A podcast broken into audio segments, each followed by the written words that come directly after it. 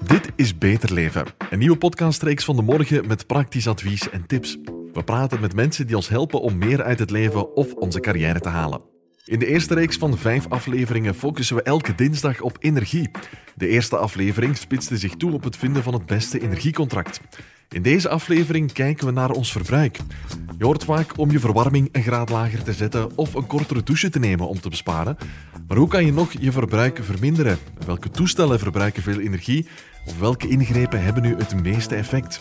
Ik ben Bert van Steenbergen en ik zoek voor jou de antwoorden op de vraag: hoe krijg ik mijn verbruik onder controle? Beter Leven, een podcast van de morgen. Om die antwoorden te vinden volg ik Cyril Verschuren van Familiehulp. Hij gaat als energiesnoeier langs bij Sarah in Dendermonde om een zogeheten energiescan te doen. Ontdekken waar het grootste verbruik zit en tips bezorgen om haar verbruik te beperken.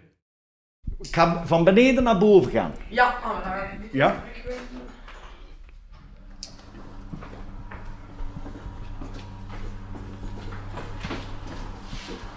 Dus ja, kijk, dat is duidelijk. Dat is nog een oude meter met, eh, met de schijf. ja. Ja, met de draaischijf. Dus en dat is uw dagverbruik en dat is uw nachtverbruik. Ja, dat je hebt. Een oude diepvries. Een oudere, inderdaad. Ja. Cyril Verschuren van Familiehulp, we zitten bij Sarah in Dendermonde. Hoe begin je aan de energiescan van een woning? Je begint eigenlijk met de gegevens op te nemen van de woning zelf. Om als energiescanner een idee te hebben naar wat moet ik meer gaan kijken. Dus een appartement is totaal anders dan een woning met één of twee verdiepingen. Is het een open bebouwing, halfopen bebouwing, gesloten bebouwing?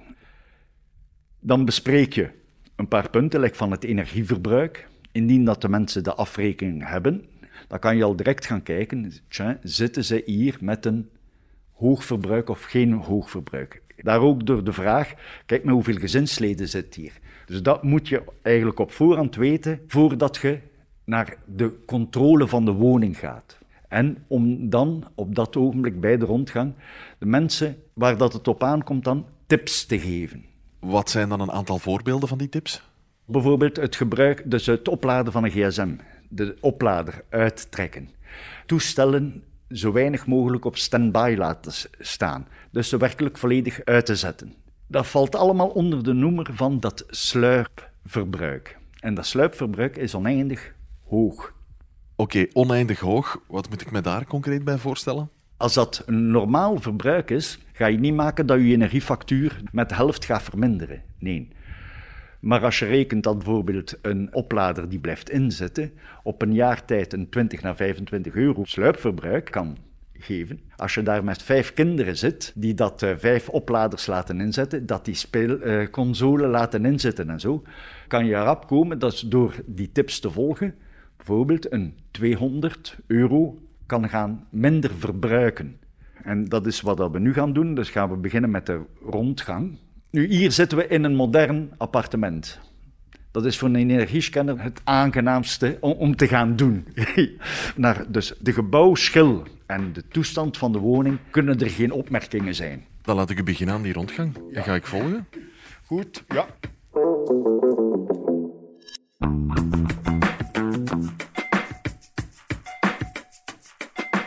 Mag ik juist een keer kijken? En waarom kijk ik in een diepvries? Omdat veel mensen vergeten die te onttooien. En wat krijg, je- krijg je dan? Dat, de ijsvorming. De ijsvorming maakt dat uw motor veel meer moet draaien om hem gekoeld te houden. En ook het gebruik. Oké, die zit nu vol. Bij veel mensen zie je, kijk, dat is nu een met eh, vijf schuiven, en dat er in iedere schuif iets zit. Dus dat hij eigenlijk maar voor de helft vol zit. En wat dat je dan moet doen, om dus je verbruik nog te verminderen, is gewoon een dichtgemaakt karton erin steken. In de lege schuif. Telkens ook dat je een eh diepvries opentrekt, trek je lucht. Die lucht moet ook afgekoeld worden terug. Door een karton in te steken heb je minder lucht. Extra verbruik door de ijsvorming. Op hoeveel extra verbruik komt dat als, als er veel ijsvorming is? Als er werkelijk veel ijsvorming is, mogen we toch gaan rekenen, zo, zeker een 30% meer verbruik. Daardoor dat het belangrijk is om werkelijk regelmatig te onttooien. Je kunt dat met warm water doen, dus dat je bevroren producten maximaal een half uur eruit zijn, dan zijn ze nog niet onttooid. Als je dat, en dan kan je er alles terug in steken.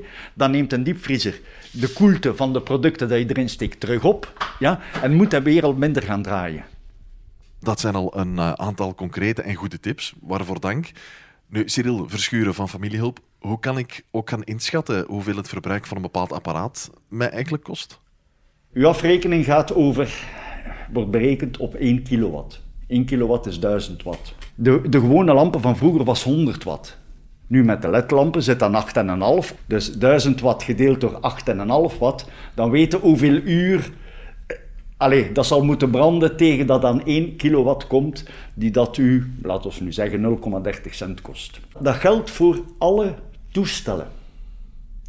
Bijvoorbeeld strijkijzer, stoomstrijkijzer van 2000 watt verbruikt 2000 watt per uur. 2 kilowatt per uur. Dat is 0,60 cent. Een stofzuiger van 1500 watt, dat is hè, een kilowatt en half. Een droogkas verbruikt heel veel.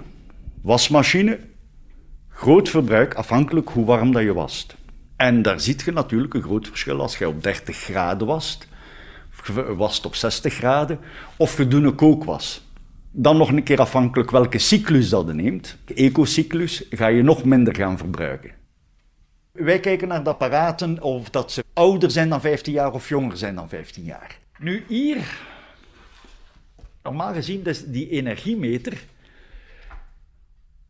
We gaan een keer energie meten van uw diepvriezer. Dus hier gaan we, dus je gaat dat zien vermeerderen. Ja. Dat is uw verbruik van kilowatts. Ja. Uw, uw stroomver, hè, dus uw stroomverbruik. Dus dat gaan we nu binnen een maand zien. Want, ah, kijk, uw diepvriezer die heeft zoveel verbruikt. Maal zoveel. En dan weten wat dat uw kostprijs daarvan is.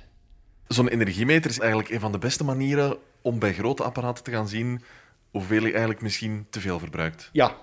Wanneer je een apparaat koopt, zetten ze daar altijd energieverbruik op. En je kunt denken, ja, maar dat verbruikt niet veel. Maar door die energiemeter krijg je werkelijk een zicht van, tja, dat verbruikt zoveel.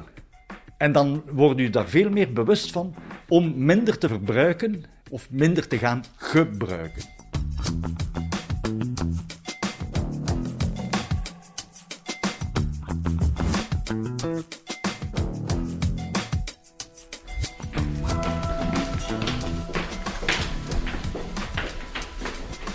De badkamer? Ja, moet ik even kijken.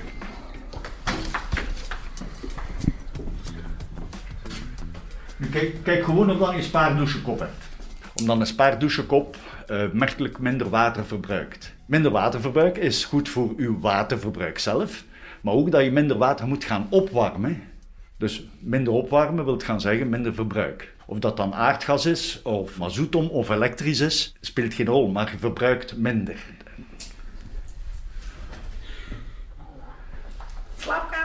Ja, Dat mijn tante hier bij ons is wel. Hier steekt een verlengkabel in. Waarom? Omdat als we onze gsm opladen, zal dat voornamelijk het s'nachts zijn. Dus gsm-oplader, eh babyfoon. Mijn vriend, die zomer, winter, slaapt hij met een blazer. Dat is een blazerke dat op staat. En dan ja, de tv-aansluiting met, de, met dan ook een digibox, dat ook. Dus ik denk wel qua verbruik, allee, buiten de grote ruimte zijn, maar dat dit ook wel een ruimte is waar dat wel wat verbruikt wordt. Bijvoorbeeld een eh, digicorder, die staat op slaapstand. Je kan die volledig uit laten gaan. Je kunt dat programmeren. Dus we spreken niet over stopcontact uittrekken. Hè? Kamer per kamer wordt het tijdens de energiescan duidelijk waar Sana snel en concreet aan de slag kan om haar verbruik onder controle te krijgen. Na het bekijken van alle ruimtes blijft Cyril Verschuren van Familiehulp alle punten en vragen afgaan om geen enkele kans te laten liggen. Ja, nu, nu ben ik vlug de, zo de bladen aan het invullen. Ja, nee.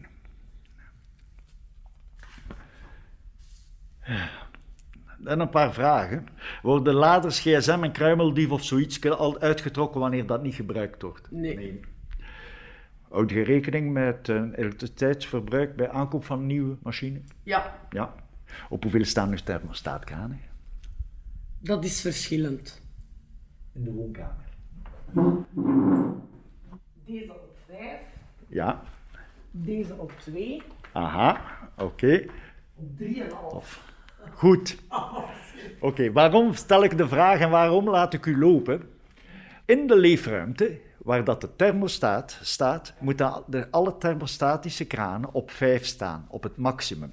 Wat doet een thermostaat? De temperatuur is te laag, die gaat beginnen branden en warm water maken. Wat doet die thermostatische kraan? Nu een keer afzonderlijk van thermostaat is, ik sta op 5, ik moet naar mijn maximum warmte gaan. Wanneer dat je die minder zet, bijvoorbeeld op 3, eigenlijk op 3 en op 3, dan gaat die vroeger uitslagen dan uw thermostaat op zijn gevraagde temperatuur gekomen is. En gaat uw brander blijven branden. Daarvoor dat in de leefruimte de thermostatische kranen altijd op het maximale moeten staan. Een slaapkamer is totaal anders.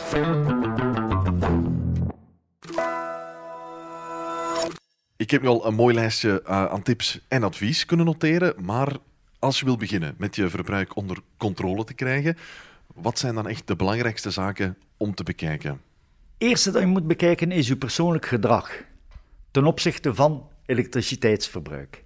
Indien dat je met enkelvoudige teller zit, dus dat je geen dag- en nachttarieven zit, speelt het geen rol. Of dat je dan overdag of s'nachts uh, wast, want het, je energiekost blijft even hoog. Wanneer dat je met dag- en nachtteller zit, is het wel belangrijk. Bijvoorbeeld om uh, te wassen en een droogkast te gaan gebruiken, vaatwas te gaan gebruiken, dat op nachttarief te gaan doen. Uw gedrag is ook bijvoorbeeld wasmachine vol te laten draaien. Droogkast zo weinig mogelijk te gebruiken. Vooral een droogkast is een uh, verslinder van energie. Verwarming, om daarop te besparen, het is nodig om te verluchten in elke woning. Verluchten 10 minuten, een kwartiertje per dag. Nu, wilde langer verluchten, maak dan dat zeker uw thermostaat uitstaat. Dat uw thermostaat niet gaat beginnen uh, branden en warm water vragen en dat hij koude lucht van buiten aan trekken is. Hoeveel tips dat wij ook geven, eigenlijk komt het altijd neer op uw eigen gedrag en het toepassen van al die tips. En het consequent opvolgen, dat die kleine verschillen, want het zijn natuurlijk op korte termijn kleine financiële verschillen, dat die op lange termijn dat wel een groter verschil kunnen maken. Natuurlijk, ja. Want je moet altijd uw verbruik gaan bekijken op een jaarbasis. Hè. Dat, eh, dat is het. Zelfs niet op maandbasis, maar altijd op een jaarbasis. Als je een berekening wilt gaan maken, moet je gaan denken, hoeveel gebruik ik dat apparaat? Neem nu één uur per dag. Ah, wat is zijn verbruik? Zoveel watt dan weet je wat dat op dat uur verbruikt. Ah, maar oh, dat is niet veel. Maar ik gebruik dat elke dag, dus moet ik maar 365 gaan doen. En dan kom je wel aan een som die dat belangrijk kan gaan zijn. Sarah, jij hebt nu een goed beeld gekregen van jouw appartement, de apparaten die er ook zijn. Heel wat tips om kleine veranderingen teweeg te brengen. Tips die je later ook nog in een mooi overzicht krijgt. Binnenkort ook nog eens die concrete cijfers door die energiemeter. Denk je dat het daarmee gaat lukken om die aanpassingen ook echt te doen? Ik denk eens dat ik het overzicht heb gekregen met de tips, dat dat wel gemakkelijker gaat zijn. Eens dat die tips er zijn, dat is gedrag aanpassen. Dat is maar een kleine wijziging. En ik denk dat ik echt wel ga verschieten van wat er uit de cijfers gaat uitkomen. En als ik dat dan ga zien, gaan de gedragswijzigingen dat ik daarvoor moet doen veel gemakkelijker komen, omdat je het zwart op wit ziet van oké, dat is hier niet oké. Het gaat allemaal wel positiever zijn, maar je moet er zelf ook iets voor doen. Het geheel is meer dan de som van de delen. Vele kleintjes maken een grote.